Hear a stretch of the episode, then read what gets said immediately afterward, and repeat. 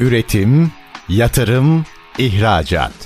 Üreten Türkiye'nin radyosu Endüstri Radyo sizin bulunduğunuz her yerde. Endüstri Radyo'yu arabada, bilgisayarda ve cep telefonunuzdan her yerde dinleyebilirsiniz. Endüstri Radyo.com Mürsel Ferhat Sağlam'la Kurumsal İletişim 2.0 programı başlıyor. ST Endüstri Radyo'dan merhaba, ben Mürsel Ferhat Sağlam. Kurumsal İletişim 2.0 programındayız. Bugün yine kurumların dönüşümüne katkı sağlayan bir girişimden bahsedeceğiz. Konuğumuza birazdan merhaba diyeceğiz ve kendisini tanıtmasını isteyeceğiz. Bugün ne konuşacağız? Yine dediğim gibi geçen haftalarda da konuşmuştuk. Aslında kurumsal iletişim sadece dijitalleşmeyi, dijital dönüşümü tabir etmiyor. Aynı zamanda pazarlama dönüşümü, departman dönüşümü ve hatta kavramsal dönüşümü de ifade ediyor şeklinde konuşmuştuk. Bugün kurumların pazarlama odağındaki dönüşümüne değineceğiz ve konuğumuza merhaba diyelim bu vesileyle de. Konuğumuz Alihan Koç, Muiki Teknoloji şirketinin CEO'su. Kendisine merhaba diyelim. Hoş geldiniz. Merhaba Mürsel Bey, hoş bulduk. Nasılsınız? Teşekkür ederim. Sizler nasılsınız? Biz de iyiyiz. İsterseniz kısaca kendinizi anlatın sonra hızlıca konumuza girelim. Çünkü marketing teknolojileriyle ilgili girişim aslında hem dünyada hem de Türkiye'de çok az sayıda. Çok niş bir alandasınız. Firmaların çok ihtiyacı olan bir alandasınız. Bu alanda neler yapıyorsunuz? Nasıl çözümler sunuyorsunuz? Bunları konuşalım. Ben Alihan Koç, 32 yaşındayım. Bir çocuk babasıyım. Muiki şirketini geçtiğimiz bir yıl içerisinde kurduk. Muiki pazarlama teknolojileri yani Martek üzerine çözümler geliştiren bir teknoloji şirketi. Daha önceki yazılım tecrübelerim de aslında bu sektör üzerine. Yaklaşık 10 senedir pazarlama teknolojileri geliştiren şirketlerde çalıştım. Daha sonra rakiplerin önüne geçecek yeni özellikler aklıma geldi zaman içerisinde. Bu özellikleri de kendi şirketime entegre ederek daha optimum, daha iyi bir çözümle insanların karşısına çıkmayı hedefledim. Şu anda buradayım. Evet gerçekten dediğim gibi çok niş bir alan. Yani birçok konuda girişimle karşı karşıya kalıyoruz. Ben hem medya sektöründe olmam nedeniyle hem de dijital odaklı mentörlük ve danışmanlık yaptığımdan dolayı birçok girişimle iç içeyiz ama marketing teknolojileriyle ilgili girişim yapan çok az girişimci var. Hem Türkiye'de hem de dünyada aslında. Dediğim gibi çok niş bir alandasınız. Biraz şeyden bahsedelim. Ee, Martek yani marketing teknoloji ne ifade ediyor, ne anlama geliyor? Firmalar buradan ne anlamalı veya işte firmalar buradan ne kar ediyor ki biz marketing teknoloji teknolojilerine yatırım yapalım ya da böyle araçlar kullanalım. Biraz kurumsalcıları da bu noktada aydınlatmak adına hem kavramsal açıklama yapalım hem de e, bu teknolojinin niye gerekli olduğunu konuşalım biraz. Evet. Aslında pazarlama bildiğiniz gibi çok geniş bir kavram. Evet. Sadece insanlara reklam vermek gibi algılanabiliyor kimi zaman. Kimi zaman sadece iletişim algılanabiliyor. Kimi zaman sadece markayı büyütmek algılanabiliyor. Aslında pazarlama çok geniş bir kavram. İçinde satış da var, marka stratejisi de var, reklamcılık da var. Martek bu kavramları otomatize etmeye yarayan, dijitale taşımaya yarayan bir teknoloji aslında. Bu teknolojilerin bütünü diyelim hatta. Yani Martek kendi içerisinde farklı dallara ayrılıyor. Reklamcılık teknolojileri, doğrudan engagement dediğimiz yani son müşteriyle etkileşime geçen teknolojiler, e-mail, SMS atma gibi. Marka stratejileri geliştirme. Aynı zamanda müşteri deneyimini geliştirme de Martek'in bir parçası. Yani müşteri deneyiminden şunu anlamalıyız. Bir müşterinin sizin işletmenizde yaşadığı deneyimi nasıl iyileştirebiliriz? Aslında Martek bunun için de çözümler sağlıyor diyebiliriz. Aslında Martek dediğimizde şu da yani CRM de aslında bunun içerisinde. Kesinlikle e, Performans doğru. pazarlaması da bunun içerisinde. Sosyal medya araçları da aslında bunun içerisinde. Kesinlikle de çok doğru. Ama e, siz aslında tamamını kapsayan aslında sizin farkınız var ona da değineceğiz yani fiziksel ortamı da kapsıyorsunuz aynı zamanda. Hı hı. Sizin girişiminizle bu bütün CRM veya işte sosyal medya odağında veya işte pazarlama ya da reklam performans, müşteri deneyimi odağında bütün teknolojiler aslında tek çatı altında toplayan, gittikçe gelişen bir teknolojiden bahsediyoruz. Martek dediğimiz aslında e, çatı bir kavram. Altında birçok alt kavram var. Dediğiniz gibi de sadece pazarlama ile ilgili değil, reklamcılık da var, iletişim de var, medya da var, PR da var. Aslında dijital ortamda yapılması gereken bütün marka aksiyonları, bütün pazarlama dinamikleri Martek teknolojisinin içerisine giriyor. Ama dediğim gibi bir farkınız da var yani fiziksel ortamda da bulunuyorsunuz. Genellikle dijital girişimciler, dijital teknoloji girişimcileri fiziksel dünyayı, gerçek hayatı unutarak aksiyon alıyorlar. Bu da hem yatırımcıların çok hoşuna gitmiyor uzun vadede hem de aslında evet. kullanıcıları yakalayamıyor. Siz ikisini bir arada bütünleşik bir şekilde sürdürebileceksiniz. Evet, hedefimiz bu. Martek teknoloji bütününü tek bir ürüne sığdırmak pek mümkün değil. Biz de belli bir kısmını teknolojilerimizi geliştiriyoruz. Belli bir kısmını e, bünyemizde tutmaya çalışıyoruz. Biz işletmelerin son kullanıcılara yani müşterilerine dokunduğu kanallardan müşteri verisi topluyoruz. Web siteleri, mobil uygulamaları ve rakiplerimizden farklı olarak fiziksel mağazalarından müşteri verisi topluyoruz ve bu verileri müşteri deneyimini iyileştirmek ve müşterilere kişiselleştirilmiş bir şekilde ulaşmak için kullanıyoruz. Bu ne anlama geliyor? Bir işletmenin fiziksel mağazası var. Bu fiziksel mağazası diyelim tekstil ürünleri satıyor. Tekstil ürünleri sattığı zaman deneme kabinleri var. Belki de kabinler çok sıcak ve müşteriler üzerini değiştirmeye orada çekiniyorlar. Kötü bir koku var.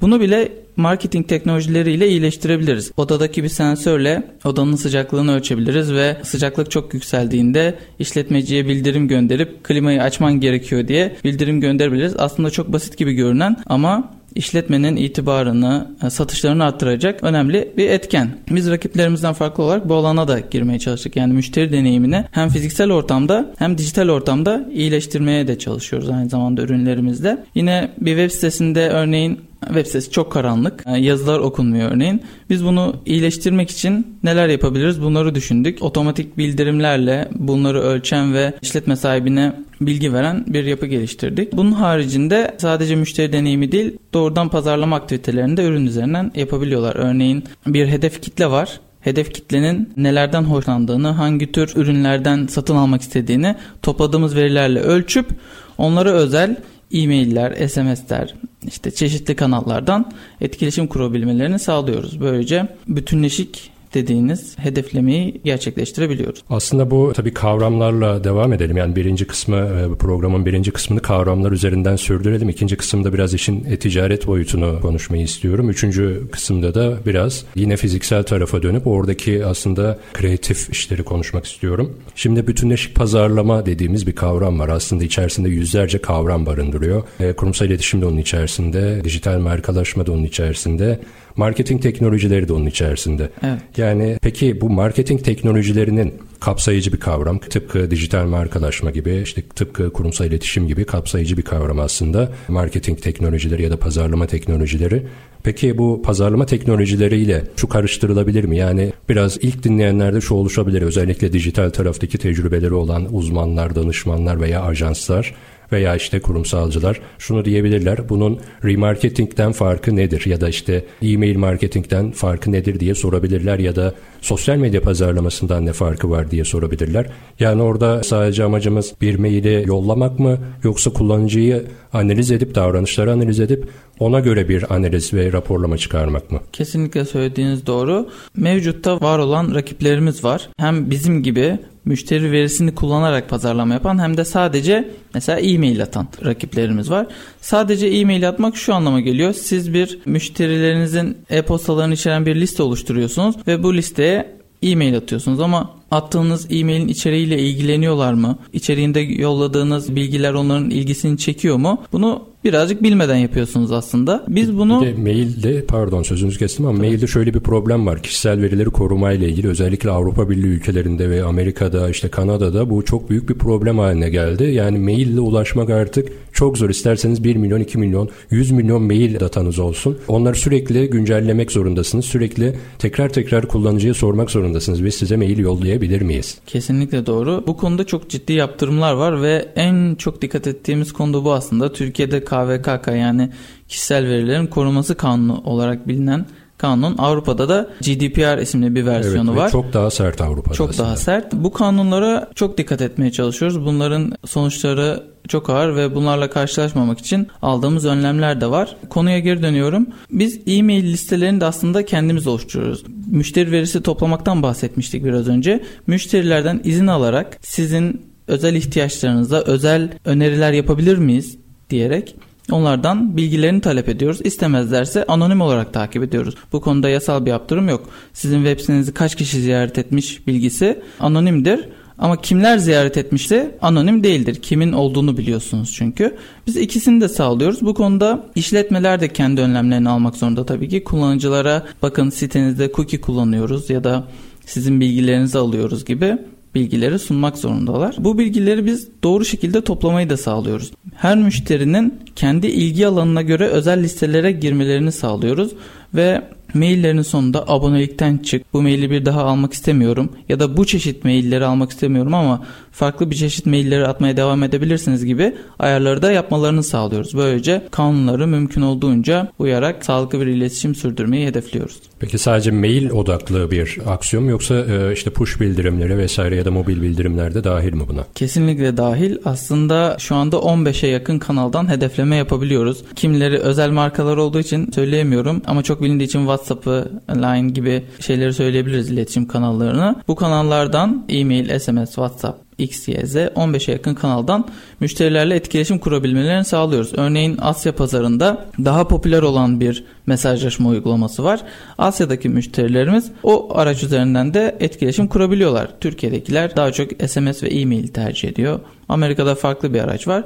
Biz bu kanal çeşitliliği sayesinde de birazcık rakiplerimizin önüne geçmeye çalışıyoruz. Evet yani kullanıcı bir kere aslında geri bildirim almayı isterse e, seçenek çok diyorsunuz. Kesinlikle. Tabii kullanıcıların sosyal ağları kullanma deneyimi de çok farklı. Yani Avrupa'da biz işte burada WhatsApp'ı kullanıyoruz ama Avrupa'da insanlar mesajlaşmak için Snapchat'i kullanıyorlar mesela evet. ya da Orta Doğu'da, Dubai'de, işte Kuveyt'te vesaire. Yine aynı durum söz konusu. Burada çok popüler olan ya da işte Amerika pazarında çok popüler olan, Kanada'da çok popüler olan, Uzak Doğu'da olmuyor. Uzak Doğu tabii ki çok ekstrem bir örnek fakat işte Amerika'da popüler olan bir e, mesajlaşma uygulaması Avrupa'da popüler değil.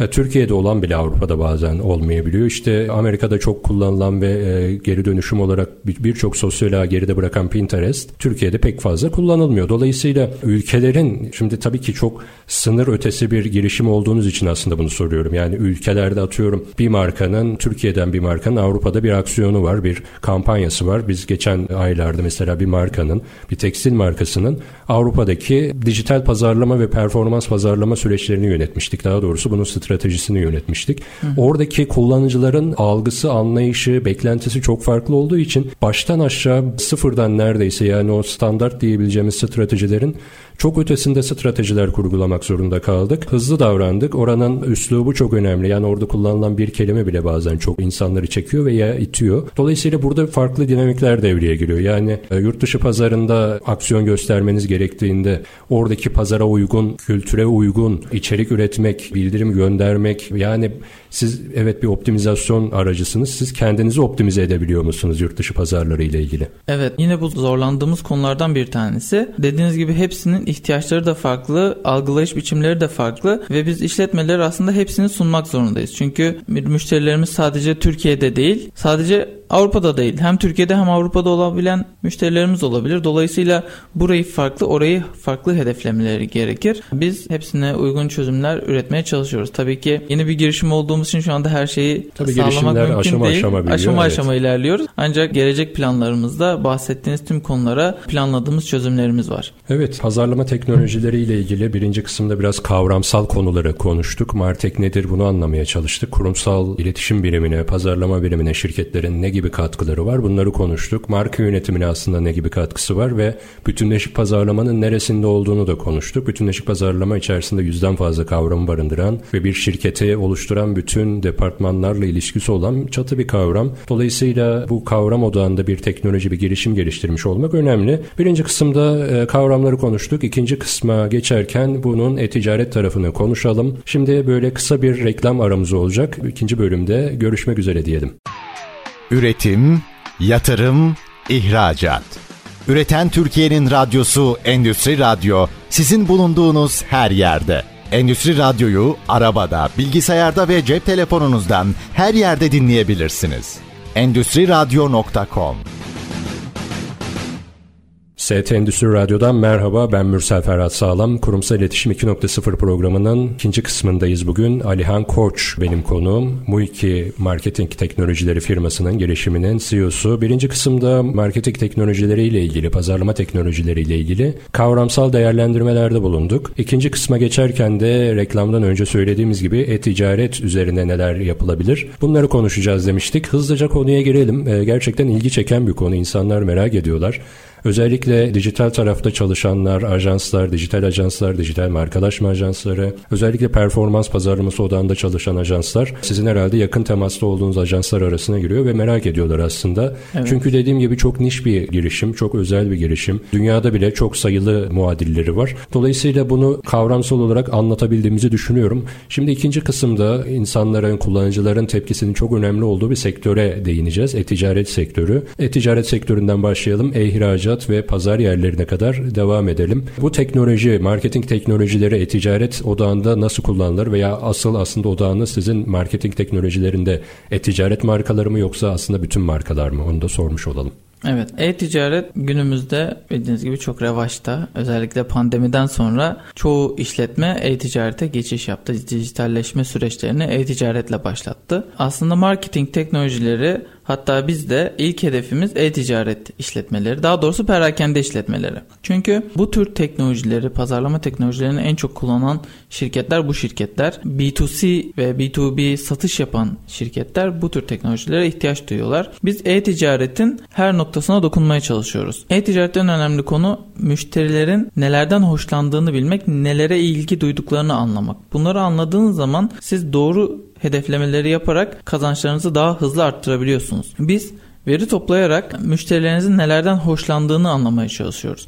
Örnek verecek olursam sizin yine biraz önceki örnekteki gibi tekstil mağazanız var ve e-ticarette de bu ürünleri satıyorsunuz. Kadın giyim, erkek giyim, çocuk giyim gibi. E-ticaretinizi ziyaret eden bir ziyaretçi kadın ve pembe renkli kıyafetlerden çok hoşlanıyor. Bunu anlayabilirsiniz eğer siz bir dahaki alışverişinden önce ona pembe renkli kıyafetlere ya da daha önce aldığı pembe kıyafete uygun pembe ayakkabıyı önerebilirsiniz. Ama ya bunu, da almaktan vazgeçtiği aslında. Ya da almaktan vazgeçtiği bıraktı. ürünü yeniden alması için dürtebilirsiniz. Bu noktada biz yaptığımız entegrasyonlarla web sitelerinden ve mobil uygulamalardan veri topluyoruz. Bir müşteri, bir ziyaretçi hangi ülkeden geliyor, hangi şehirden geliyor, hangi tür kategorileri daha çok ziyaret ediyor, hangi yaş aralığındaki kıyafetlere daha çok ilgi gösteriyor. Belki de çocuk giyimle ilgileniyor. Aslında siz orada bir veri topluyorsunuz. Bu topladığınız verileri biz sizin için bir üç görüye çeviriyoruz. Ziyaret eden X kişi şu tür kategorilerde şu tür ürünlerden hoşlanıyor diyebiliyoruz. Siz bunun sonucunda yine bizim platformumuz üzerinden aksiyon alabiliyorsunuz. Örneğin pembe ayakkabıdan hoşlanan 25-35 yaş arası kadınlar diye bir segment oluşturup bu segmenti sadece bu belirlediğiniz segmente özel kampanyalarla hedefleyebilmiş oluyorsunuz. Bu da size aslında nokta atışı bir pazarlama stratejisi sunuyor. E-ticaretteki en büyük faydamız bu diyebiliriz. Kişiselleştirilmiş pazarlama deneyimi yaşatıyoruz. Kişiselleştirmeyi öyle bir boyuta getirdik ki artık sadece işte yaş aralığı, lokasyon, e, cinsiyet vesaire değil ya da ilgi alanları değil. Kullandıkları mobil cihazın Android mi yoksa iOS mu olduğuna varıncaya kadar yani iOS kullanıcısıysa şöyle bir aksiyon alabilir. İşte iOS'a uygun atıyorum şarj cihazı alabilir ya da ona uygun bir tablet alabilir. Kesinlikle çok ee, doğru. Çok farklı kişiselleştirmeler ve segment segmentasyonlar var doğru değil mi? Çok doğru. Örneğin telefon kılıfı satıyorsunuz. Çok güzel noktaya değindiniz. Android'den gelen kullanıcılara Android ile ilgili ürünleri gösterip iOS'tan gelenler farklı ürünler gösterebilirsiniz ve web sitenizi de dinamik olarak kişiselleştirebilirsiniz aslında. Bu noktada farklı kişiselleştirmeler de var. Örneğin verdiğiniz sosyal medya reklamları var. Bu reklamlar Facebook'ta, Instagram'da reklam verdiniz. İkisinin hedef kitlesi farklı diyelim ya da daha çarpıcı bir örnek verelim. Facebook ve LinkedIn olsun. Çünkü birinde daha çok iş insanı insanlarının bulunduğu bir sosyal platform. Diğerinde daha çok herkesin, herkesin olduğu, olduğu bir evet. platform. İkisinden gelen hedef kitle farklı. Siz LinkedIn'den gelen müşterilere, ziyaretçilere daha farklı aksiyonlar alabilirsiniz. Facebook'tan gelenlere daha farklı aksiyonlar alabilirsiniz. Yani aslında size gelen hedef kitlenin kaynağı bile sizin için bir kişiselleştirme kriteri olabilir. Peki ben bir firma olarak sizin girişiminize geldim, size geldim dedim ki benim için şu segmentasyon çok önemli dedim. Bunu kendi girişiminize optimize edebiliyor musunuz? Sonradan atıyorum. Çok ekstrem örnek işte atıyorum Belki yoktu ve siz bunu sonradan dahil edebiliyor musunuz bu segmentasyonu? Atıyorum Android ile iOS. Yoktu ve dahil ettiniz sisteme bu müşteri için. Evet tabii ki yapabiliriz. Zaten bir ürünü geliştirmenin en güzel yanı müşterilerden aldığınız geri bildirimlerle geliştirmek. Çünkü çok farklı sektörler var ve her sektörün ihtiyacı ve hedef kitlesi, vizyonu her şeyi çok farklı. Çok farklı ve şöyle de bir şey var. Daha önceki tecrübelerimizde çok yaşadık. Siz harika bir ürün geliştiriyorsunuz. Onlarca özellik ekliyorsunuz ama çoğu bir işe yaramıyor. Çünkü müşterilerin ona ihtiyacı olup olmadığını doğrulamamış oluyorsunuz.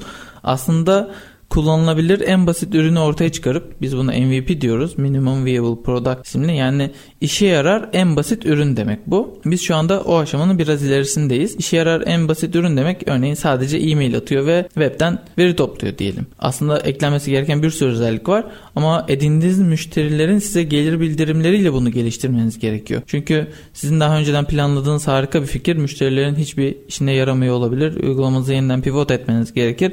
Bu zaman ve para maliyeti demek ve sonuçta çoğu girişim gibi batmayla sonuçlanıyor. Bu tür durumlarla karşılaşmamak için biz müşteri geri bildirimleriyle ürünümüzü daha ileri bir noktaya taşımaya çalışıyoruz.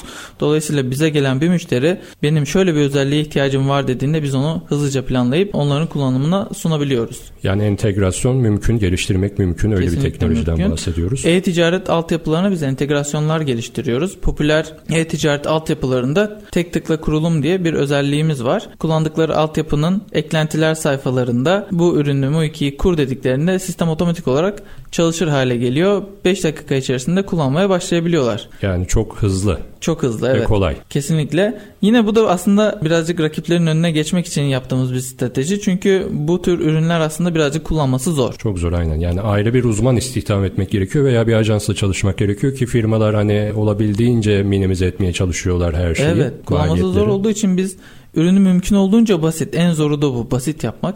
Mümkün olduğunca basit yapmaya çalışıyoruz. Daha az insan kaynağıyla bu projeyi yönetebilsinler istiyoruz. Hazır kurgular da sağlıyoruz. Örneğin sepette ürün unutulursa unutulan ürünü hatırlat maili atma kurgusunu hazır olarak veriyoruz. Aktifleştir dediklerinde kullanmaya başlıyorlar. Aslında bunun için bir süreç gerekiyor bunu kurgulamak için. Biz bunları minimize ediyoruz. Böylece aslında küçük ve orta ölçekte işletmeleri de hedefleyebiliyoruz. Çünkü büyük işletmeler zaten büyük rakiplerimizden ürünler alıp kendilerine özel müşteri temsilcileriyle bu kurguları sağlayabiliyorlar. Ama küçük ve orta ölçekli işletmeler hem bu tür ürünlere para ödeyemiyorlar çünkü çok pahalı. Hem ödeseler de, bile kullanamıyorlar. Ödeseler bile Atıl kullanamıyorlar. Kalıyor. Bunu da görüyoruz yani. Çok. Evet. Biz aslında o işletmelerinde bu tür ürünlere erişebilmesini mümkün kılıyoruz. Çünkü kullanması çok kolay. Yani hazır şablonlar var. Tıpkı aslında bir mailing yollar gibi. Mailing araçları da hazır şablonlar veriyor size. Siz e, sürükle bırak teknolojisiyle uyguluyorsunuz. Sizde de aynı teknoloji var. Evet kesinlikle. O zaman herhangi bir kobi. Ama kobi dediğimiz şey de aslında Türkiye ekonomisinin %97'sini oluşturuyor neredeyse. Evet, büyük bir pazar aslında. Çok büyük bir pazar ve bunlara hitap ediyor olmak, onların işlerine çözüm üretmek önemli. Tabii e-ticaret dediğimizde sadece B2B işte B2C gibi durumlar değil. C2C yani üreticiden üreticiye durumlar ya da işte bireysel e-ticaret ticaret girişimcisinden bireysel ticaret girişimcisine ya da yeteneklerini satan insanlardan işte yetenekleri alan insanlar biraz hani son kullanıcıdan son kullanıcı diyelim daha açıklayıcı olsun. Bunlar da aracı e-ticaret firmalarıyla çalışıyorlar. Dolayısıyla onlar da kendi işlerini daha fazla satmak istiyorlar. Atıyorum bir tasarımcıdır. Tasarımlarını daha fazla kişiye duyurmak istiyor ama o aracı e-ticaret sitesinde o sayfasına gelen kullanıcıları yakalayabilecek mi mesela böyle bu da mesela bir yazılımcı diyelim ya da bir seslendirme sanatçısı veya bir yazar, içerik üretici üreticisi veya influencer bunlar aracı platformlar kullanıyorlar. İsim vermeyelim tabii ki ama hı hı. bu aracı platformlar aracılığıyla yeteneklerini satıyorlar. Kimlere satıyorlar? Bazen firmalara, bazen de yine son kullanıcıya satıyorlar. Ya da işte kendileri gibi bir içerik üreticisine satıyorlar gibi. Yani bu noktada da sadece ticaret siteniz olacak veya bir pazar yerinde olmanız gerekir gibi bir durum mu var yoksa herkes aracı sitelerde de o entegrasyonu o sitenin aracı sitenin izin verdiği müddetçe yapabiliyor mu? Öncelikle şu konudan bahsedelim. Biz veri topladığımız için aslında hassas bir noktaya dokunuyoruz. Dolayısıyla veri topladığımız kanalın sizin bir mülkünüz olması gerek. Sizin web sitenizden ve sizin mobil uygulamanızdan veri toplayabiliriz. Ama bir e, pazar yeri ne anlama geliyor? Pazar yerinin bir sahibi var. Siz aslında oranın bir müşterisisiniz aynı zamanda. Şimdi bazı pazar yerlerinde şunlar e, mümkün oluyor. Bir kod ekleyebiliyorsunuz ve atıyorum oraya bir mail toplama ne diyelim ona bir araç koyabiliyorsunuz ve insanlar oraya mailini yazdığında halbuki bir aracı kurumdasınız. Bir pazar yerindesiniz ama kendi sayfanızı optimize edip ve bir mail kutucuğu koyup oraya insanlar mailini yazabiliyorlar. Aslında biraz bundan kastediyorum. Yani ben Muiki'ye bir aracı pazar yerindeyim. Geldim sizin şirketinize. Üye oldum. Orada bir optimizasyon yapıp işte ben maillerimi toplayacağım ve bu burada toplansın bu mailler diyebiliyor muyum mesela? Evet. Sizin pazar yeriniz buna izin veriyorsa ki pazar yerleriyle de entegre olmaya çalışıyoruz. O ölçüde veri toplayabiliriz. Pazar Ve topladığımız yerine. verileri de istediğimiz gibi kullanabiliriz evet, aslında. Kesinlikle doğru. İkinci bir nokta sadece e-ticaret sitelerini kesinlikle hedeflemiyoruz. İlk hedefimiz orası ama tek değil. Örneğin bir blog sitesi, haber sitesi farklı kategorilerde haberleri var ve bir ziyaretçi spor haberlerini çok okuyor. Bu müşteriye, bu ziyaretçiye yeni bir spor haberi eklendiği zaman bu haber sizin ilginizi çekebilir diye bildirim atabiliriz. Yani sadece e-ticaret sitelerini hedeflemiyoruz.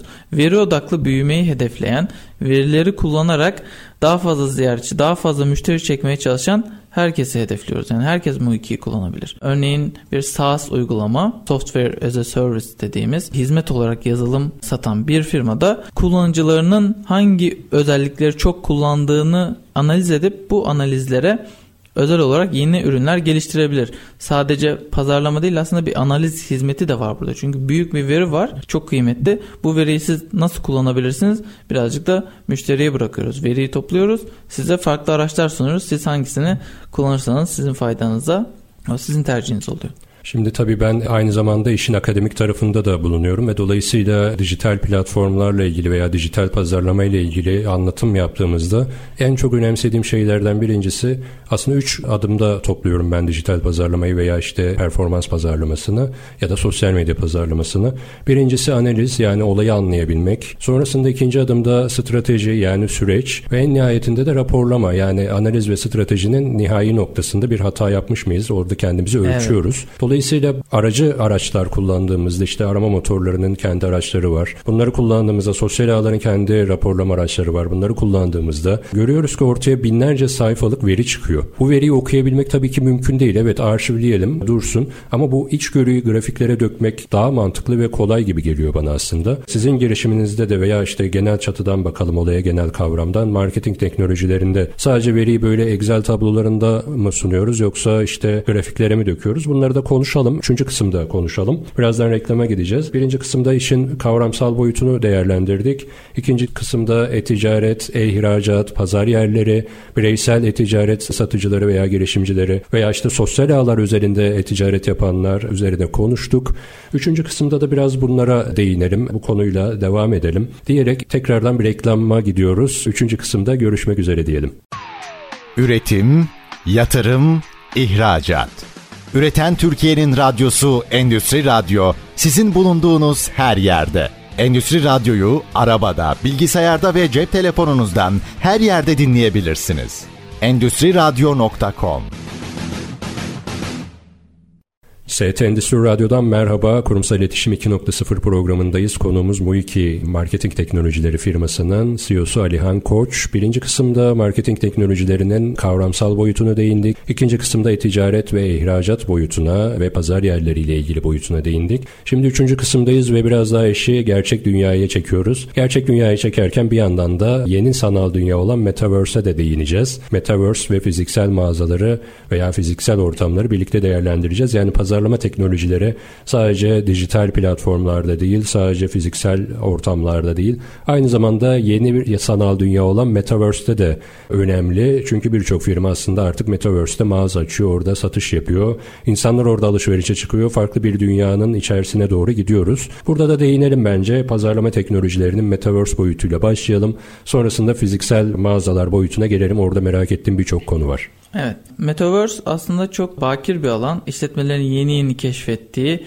ne yapacaklarını da daha herkesin tam kestiremediği bir alan. Ama pazarlama teknolojileri yine burada da devreye giriyor. Veri toplama aslında çok zor bir süreç ama biz öyle bir veri toplama stratejisi geliştirdik ki kaynağın ne olduğu önemli değil. Siz veri topluyorsunuz. Bu veriyi size sağlayan kaynak internete bağlanabilen her şey olabilir. Akıllı klima da olabilir, bir web siteniz de olabilir, mobil uygulama da olabilir, mağazanıza yerleştirdiğiniz sensörler de olabilir. Metaverse mağazanızdaki veri toplayıcı kaynaklar da olabilir. O teknolojiler henüz tam oturmadığı için ben de tam net giyilebilir e, teknolojiler, giyilebilir teknolojiler, interneti, akıllı saatler, akıllı bir, buzdolapları her şey olabilir. Dolayısıyla sizin metaverse'te bir mağazanız varsa biz oradan da veri toplayabilir ve oradaki kullanıcılarınıza özel aksiyonlar da aldırabiliriz. Metaverse mağazanızı ziyaret eden bir ziyaretçinize fiziksel mağazamıza da buyurun diye bir mesaj atsanız mutlaka ilgisini çekecektir. Veya bir kampanya önerseniz.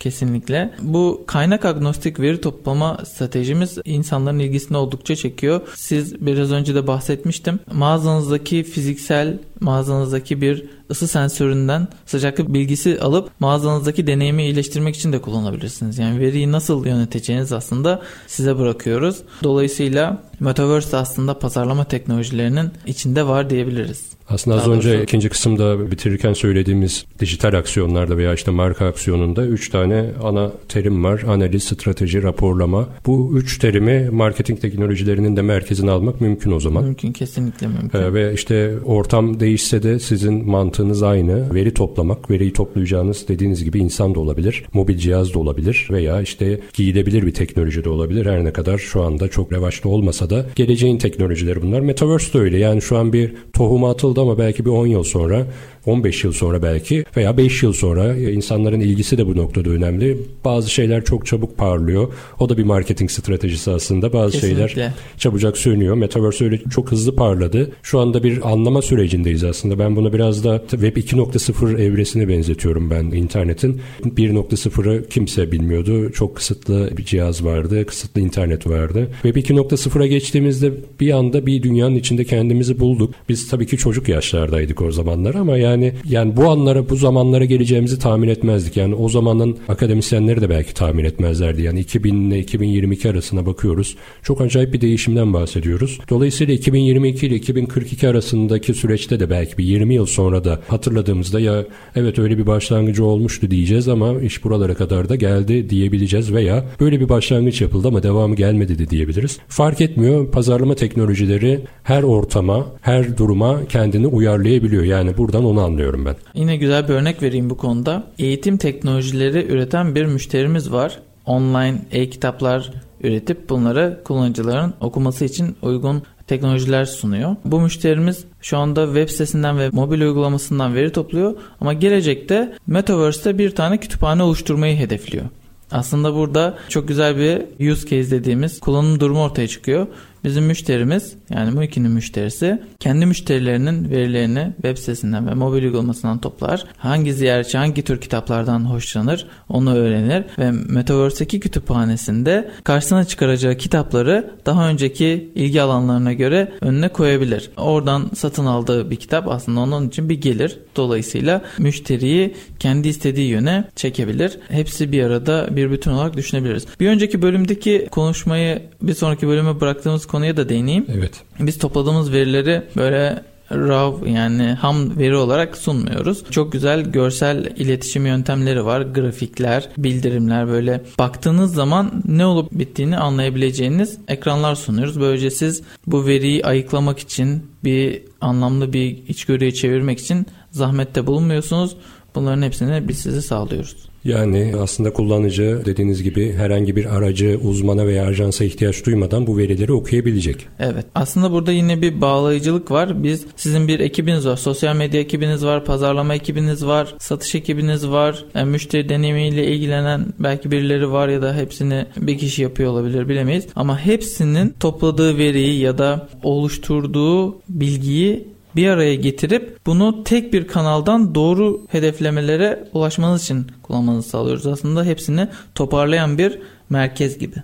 Yani biz aslında hedeflediğimiz şey benim danışmanlık yaptığım firmalarda şunu görüyorum. Ben de işte yeni bir girişimden tutun da yatırım almış büyüyen yurt dışına açılan bir girişim veya işte bir COBİ'den tutun da hı hı. E, holding düzeyinde hizmet veren e, binlerce çalışan, on binlerce çalışanı ve belki onlarca markası olan firmalara kadar hepsini danışman düzeyinde deneyimledim. Ve masanın hem kurumsal tarafında durdum hem işte eğitmen tarafında durdum hem de danışman veya ajans tarafında da durmuş oldum. Dolayısıyla beklentileri az çok tahmin ediyorum ajans tarafında bile olsanız bir veriyi A kişisi geldi çok iyi biliyor ama o A kişisi o kurumdan ayrıldı. B kişisi geldi. B kişisine o işi öğretmek bir maliyet. Dolayısıyla veya işte bir COBİ'de dediğiniz gibi yani bazen bütün işleri tek bir insan yapıyor. Özellikle Türkiye'de böyle oluyor genellikle. Evet. Dolayısıyla firmaları da tabii ki bu noktada anlıyoruz. Yani maliyetleri minimuma indirmeye çalışıyorlar. İnsanlar da bir nevi biraz sıkıntılar yaşıyorlar. Ama bu A kişisi gittiğinde bütün her şey bilgisini götürüyor mu yoksa yani sizin teknolojinizde aslında sistem gerçekten çok basit ve B kişisi gelse de o veriyi hızlı bir şekilde okuyup, raporlayıp, dosyalayıp müşterisine sunabiliyor mu ya da patronuna sunabiliyor mu? Kesinlikle bunu yapabiliyor.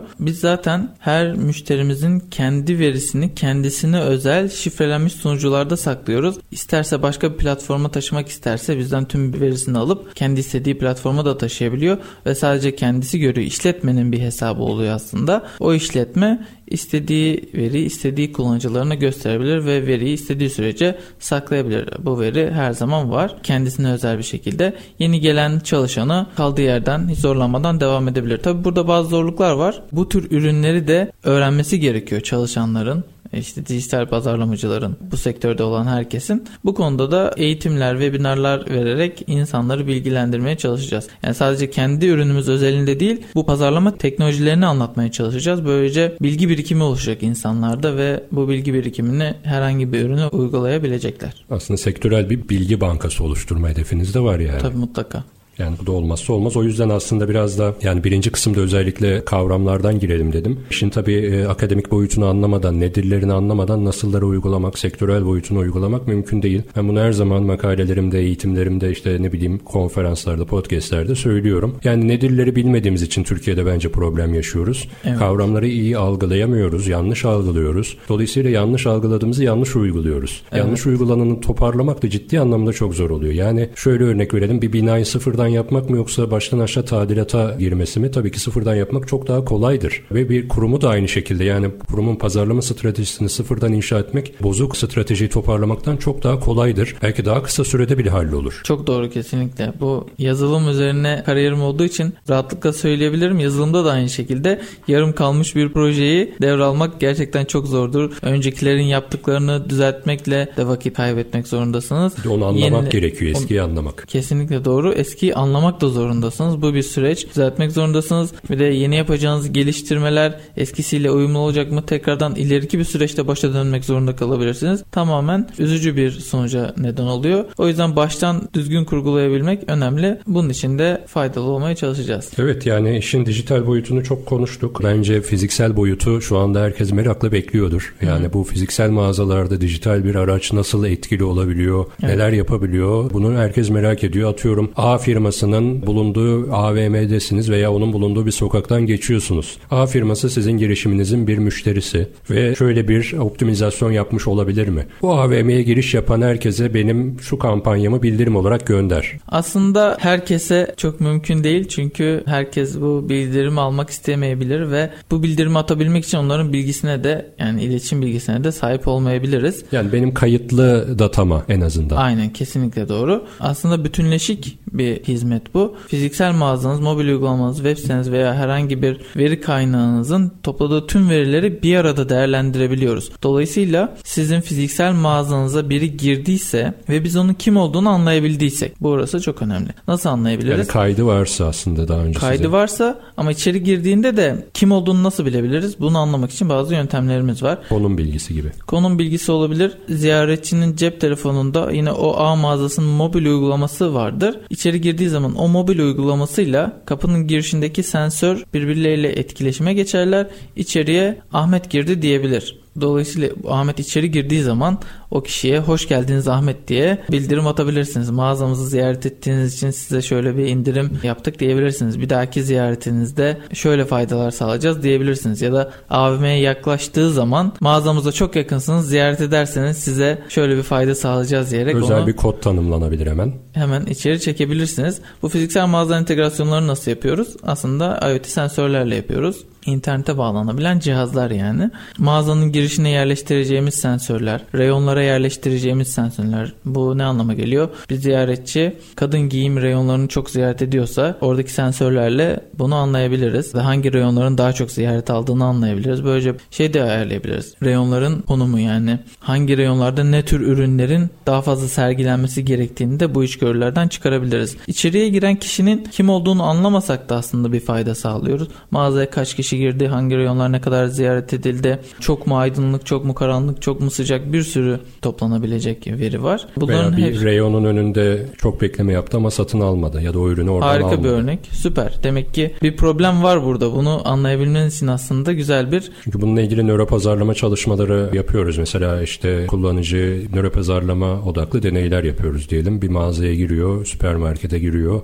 İşte A peyniri var, B peyniri var. A peyniri yani sizin markanız A peyniri diyelim. A peyniri yukarıda olduğu için belki satın alınabiliyor. Veya şöyle bir örnek de oluyor. Bir ürün, bir çikolata, bir sütün yanında duruyor ama hiç satılmıyor. İnsanlar bunu neden satın almıyor diye nöro pazarlaması çalışması yapılıyor. Bu başka bir çalışmaydı okumuştum. Ve şöyle bir içgörü çıkıyor. İnsanlar diyet süt varmış orada. Diyet sütü gördüklerinde çikolatayı alarak e, vicdan azabı duyduklarını ifade etmişler. Böyle bir nöro pazarlama çalışması, bir içgörü çıkarılmıştı mesela. Yani aslında aslında sizde de bu mağazalardaki durumu işte raf neden tüketilmiyor öngörebiliyorsunuz veya bununla ilgili bir içgörü çıkarabiliyorsunuz. Evet kesinlikle doğru. Evet yani konuşulacak çok konu var. Derya deniz bir konu marketing teknolojileri. Yani öyle bir konuyu gündemimize aldık ki belki saatlerce günlerce konuşsak, üzerine makaleler belki kitaplar yazsak yine anlatacak çok şey var. Çatı bir kavram. Tıpkı işte bütünleşik pazarlama gibi dedik veya işte dijital markalaşma ya da bu programın da adını taşıyan kurumsal iletişim gibi. Yani bunlar çatı kavramlar. Dolayısıyla içerisinde çok iç dinamikler, alt kavramlar barındıran kavramlar. Pazarlama teknolojileri anlat anlat bitmez. Siz bu alanda bir girişimde bulunmuşsunuz. Çok niş bir alan. Sizi tebrik ediyorum. Dünyada bile muadili çok az. Türkiye'de de birkaç örneği var. İşini güzel yapan e, muadiller var. Sizler de öylesiniz. Firmalar özellikle kurumsal iletişim ve pazarlama departmanları yani aksiyonun olduğu departmanlar sizinle bence çok dirsek temasında bulunacaklar gibi geliyor ya da bu teknolojiyle daha doğrusu sizinle değil marketing teknolojileriyle dirsek temasında tıpkı dijital dijital pazarlamayla dirsek temaslarının olması gibi veya sosyal ağlarla olması gibi. Konu uzun ama programın da yavaş yavaş sonuna geldik. E, bugün Alihan Koç'la birlikte, Muiki'nin CEO'su Alihan Koç'la birlikte pazarlama teknolojilerini değerlendirdik. Ne farkları olduğuna değindik. E, nasıl katkılar sağlıyorlar bunları konuştuk. Tabii ki birçok konu var. Merak edilen de birçok detay vardır. Bunları da belki ilerleyen dönemlerde tekrar kendisini konuk alarak daha böyle niş bir programla sürdürürüz diyorum. Dinlediğiniz için teşekkür ediyorum. Alihan Bey'e de teşekkür ediyorum ediyorum. Yani ben de teşekkür ederim. Normalde çok konuşan bir insan değilim ama gerçekten zaman su gibi akıp geçti. Saatlerce anlatabilirim. Umarım bir sonraki programın da konuğu olurum. Evet. Başka bir programda görüşmek üzere görüşmek diyelim. Görüşmek üzere diyelim. Hoşçakalın. Hoşçakalın.